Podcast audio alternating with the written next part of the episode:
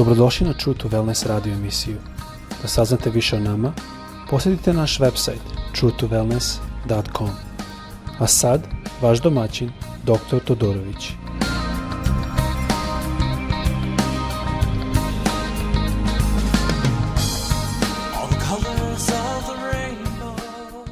Ljubazni, dobar dan i dobrodošli na naš podcast Pozdravljam vas iz Floride, odakle, kao što već bravatno znate, odakle radi moj ovaj podcast.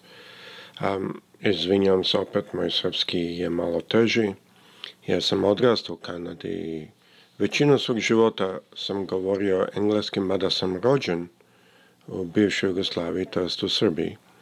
Ali dalje a mi je teško malo neki put govoriti srpski, pa se nadam da to razumete.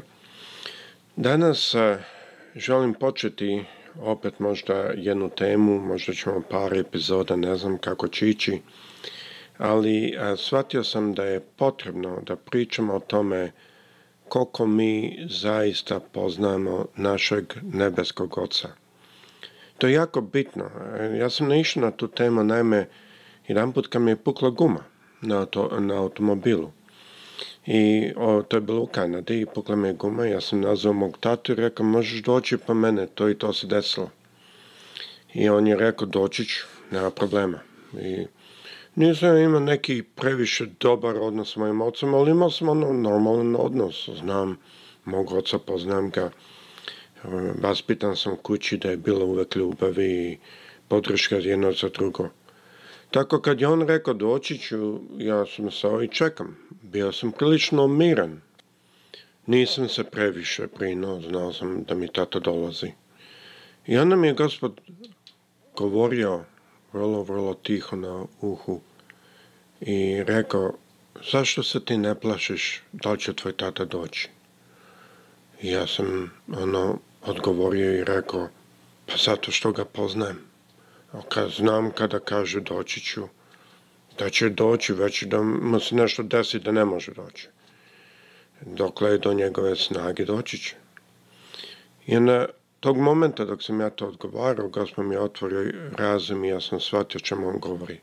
A zašto kada mi se molimo našem nebeskom ocu i on kaže, bilo to kroz njegovu riječ ili kroz njegov duha svetog, da će doći Zašto? Mi dalje to neki put ne verimo? I odmah sam shvatio što Gospod pokazuje. Zato što mi ne poznamo tako dobro našeg nebeskog oca. Zašto ja znam će moj tata doći? Zato što ga ja poznam. Još iako nemojmo zaboraviti da moj tata je samo čovjek. A naš nebeski otac, njega ništa ne može zastaviti. Njemu se ne može desiti akcident na putu. On kada kaže nešto, to nema, to stoji.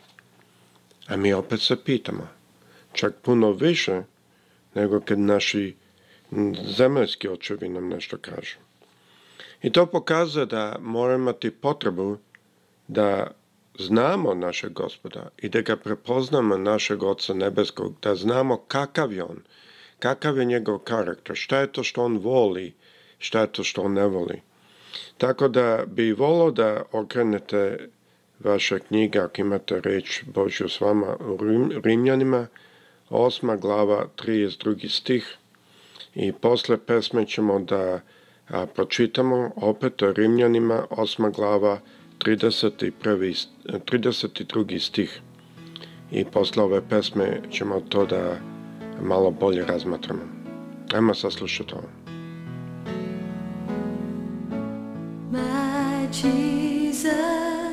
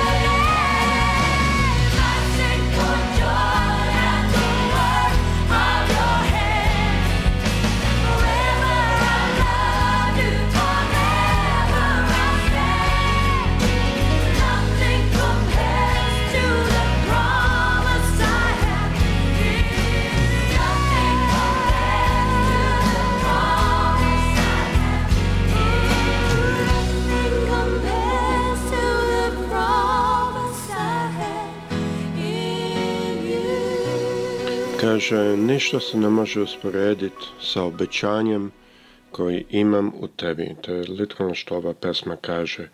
Um, naslov je Viči ili govori gospodu.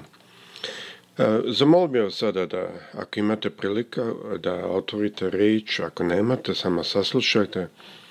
reč se nalazi u Rimljanima, 8. glava, 32. stih.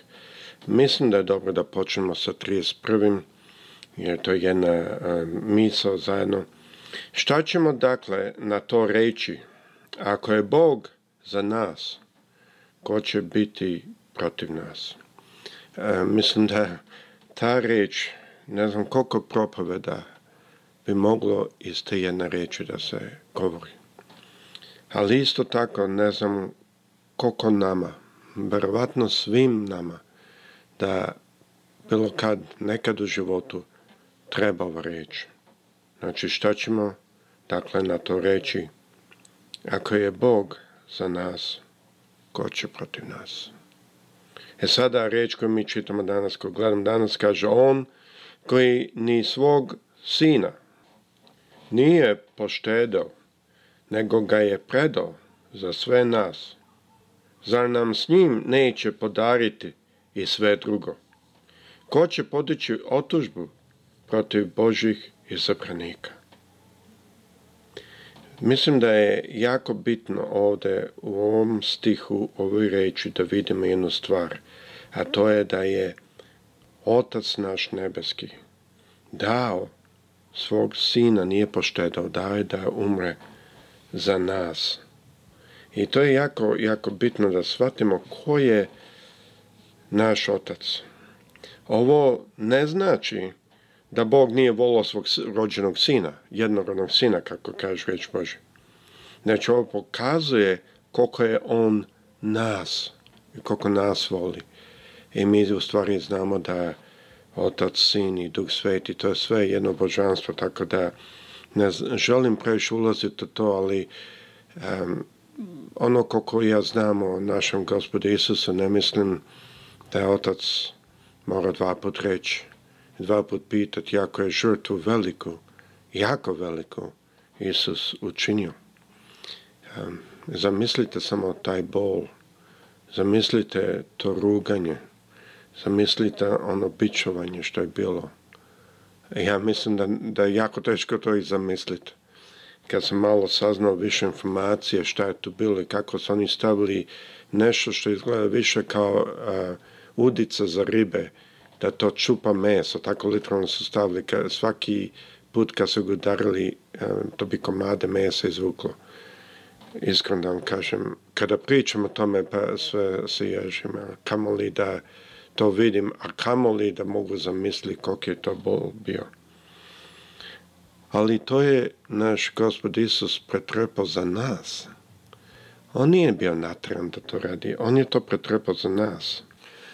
Mislim da je jako bitno da znamo ko je naš nebeski otac. E, u početku kad sam se tek obratio, ja sam mislio da je on jedan stari, dobar stari čika gore, ali koji ima jedan prut i spreman je da nas udari ako radimo nešto pogrešno.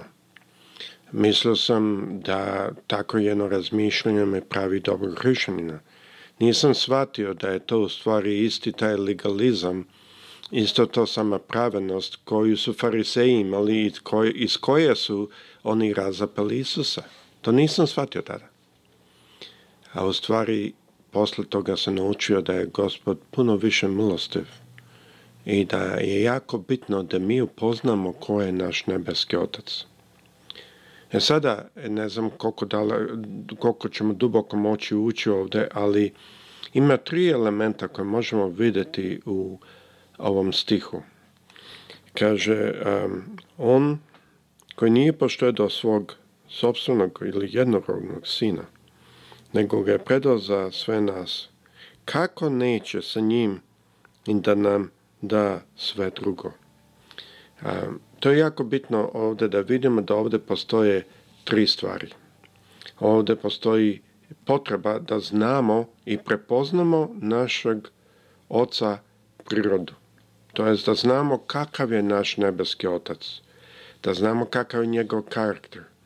To je jako potrebno da bi mogli reprodusati ili biti slični njemu. A ovdje isto vidimo da ovaj stih nas isto uči da verujemo u, da je naš nebeski otac, otac ljubavi. Ovaj ceo stih pokazuje jednu veliku ljubav. Isus je rekao da čovjek ne može imati već ljubav nego ovu, da da svoj život za drugoga. Znači, to je bitno da prepoznamo. I treća stvar je da prepoznamo da očekujemo da ćemo dobiti sve stvari koje su dobre za nas. To je isto jako bitno. E, bitno je da shvatimo, ne da ćemo sada ja da sedim tu i kažem pa ja hoću 5 miliona dolara. Već ako ja, meni to zaista treba, možda za lek ili za nešto, ali i tad mogu da pitam gospoda da me on izleči. Ali e, bez razlike, e, to nije, ne znači ćemo mi dobiti sve što mi hoćemo, nego sve što nam treba i o tome ćemo malo kasnije govoriti. Danas bih želio malo da govorimo o tome da upoznamo prirodu našeg oca. Moguće je misliti da je naš nebeski otac strog, jer ne može da greši i ne trpi greh. Istina je. On je svet Bog. On ne trpi greh. Ali to ne znači da je on ne voli nas ili da je strog ili da je čim mi padnemo da on sprema da baci cigle na nas ili da nas ubije. Verujte mi, da je on takav, nijedno nas ne bi bili ovdje. Znači, moramo shvatiti i razumeti on je svet Bog. Jeste. I on ne može da greši i da radi kreh. Ali on zna da mi nismo to. I mi možemo pogrešiti. I da ne bi mi bili radi toga izgubljeni, on je poslao svog jednorođenog sina da bi nas spasio. Da mi nemamo greha, on ne bi trebao, imao potrebe nas spasi. On je poslao svog sina da nas spasi zato što mi imamo grehe i što smo naklonjeni grešiti. Ovo je jako bitno shvatimo. Ima još uvijek danas, dan danas ljudi koji misle u danas sam živo, dobro živo, danas sam pomogao ljudima mora da je gospod jako zadovoljan. Za vi zaista ne mislite gospod zna ko ste vi i ko sam ja? Ili isto tako obrnuto. Danas nisam najbolje živo, danas sam malo pao tu i tu, mora da je gospod ožalošen. Mi i naša dela, žalosti ili iznenađuje našeg nebeskog oca ko ima dela koja žaloste Duga sveta, tu sveti ne želi da radimo neka dela. I on nam to ukazuje. ali to nije kada je to njega iznadlo ili da on nije znao da ćemo mi u tome pasti. Mi moramo shvatiti prvo da je Bog, Bog, ljubavi, ali on isto je svemogući Bog. On vidi naš život kao jednu paradu, od početka do kraja. Ne znam da ste imali ikad prilike da vidite paradu, ali parada mnogo puta se prati i počne od jedne ulici, onda završi na drugoj ulici. Onda vi možete, tako ste u helikopteru, literalno da pratite prvi parade sve do zadnjeg. Ako letite u to vrijeme možete baš da uhvatite celu paradu. Ja verujem da tako isto naš nebeski otac, on vidi naš početak života, vidi kraj, vidi sve između isto vreme. Tako da njega neće znadit ništa što se dešava u našem životu. I dokle god naša srca žele da budu sa njim, dokle god naša srca žude za njegovom voljom, mi ne možemo biti izgubljeni. Kasnije kaže u ovoj istoj glavi šta će nas odvojiti od ljubavi Bože. Mi vidimo da nas ništa drugo ne može odvojiti. On nam je dao duha usinjenja. Da budemo njegovi sinovi čeri. Tako da moramo shvatiti, razumjeti prvo ko je naš gospod. A e, sada naravno za malo ću više govoriti o njegovoj prirodi. A, e, ko je pa prirodi, šta možemo tu da vidimo. I zašto je opasno da mi damo njemu karakteristike e, očeva zemaljskih. Tako da ćemo o tome govoriti naredne epizode i onda ćemo vratno još morati koju epizodu ima još par drugih stvari e, overovati i e, imati poverenju našeg gospoda i imati iščekivanje. Sve te tri stvari smo dobili iz Rimljanima 8. glava 32. stih iščekivanje da će nam on dati sve što je nama potrebno. Gospod sa svima vama. Prijatno.